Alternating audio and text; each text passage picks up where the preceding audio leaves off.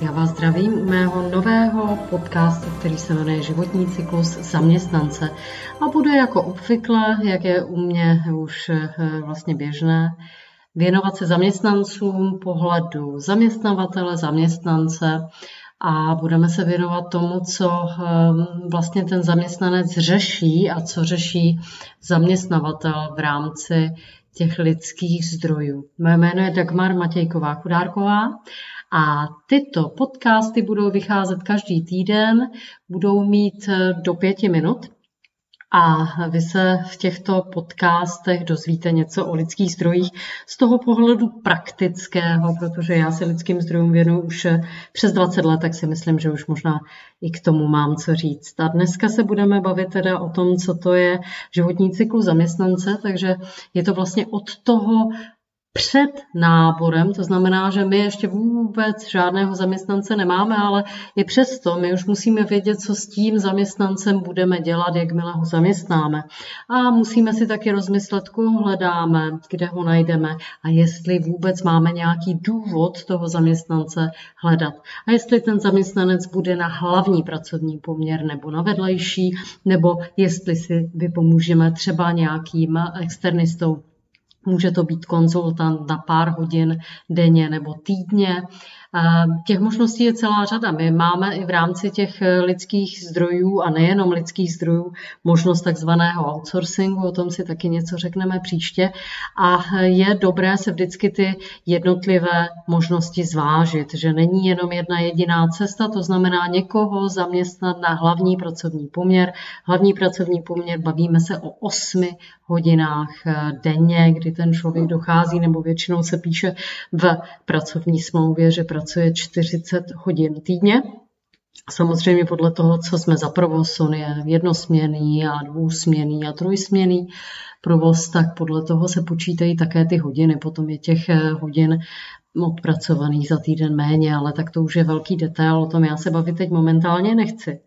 Ale já jsem zmínila to, že je potřeba mít důvod zaměstnání někoho na hlavní pracovní poměr nebo ať už na vedlejší a tak dále. A e, to je velmi důležité, protože e, velmi často se stává a podnikatelé si to neuvědomují, že e, toho zaměstnance nemám na výpůjčku, ale že ten zaměstnanec by tam měl být zaměstnán dlouhodobě. Takže já musím přemýšlet trošičku jako v tom strategickém nebo dlouhodobém horizontu. Já nemůžu zaměstnance zaměstnávat s tím, že teď mě něco napadlo, tak někoho zaměstnám, za týden si to rozmyslím nebo za 14 dní a ten člověk půjde pryč.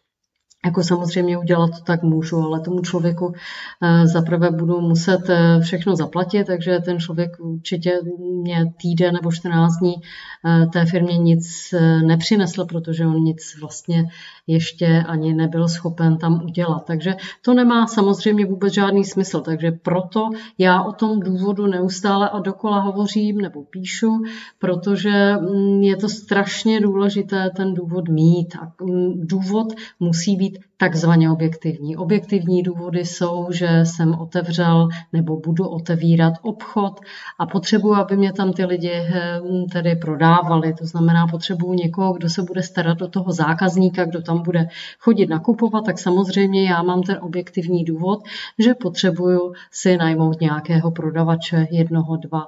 Zase, já nejdřív si musím vypočítat, kolik mám odhadované tržby měsíčně a z toho já budu zase vycházet, kolik zaměstnanců si mohu dovolit.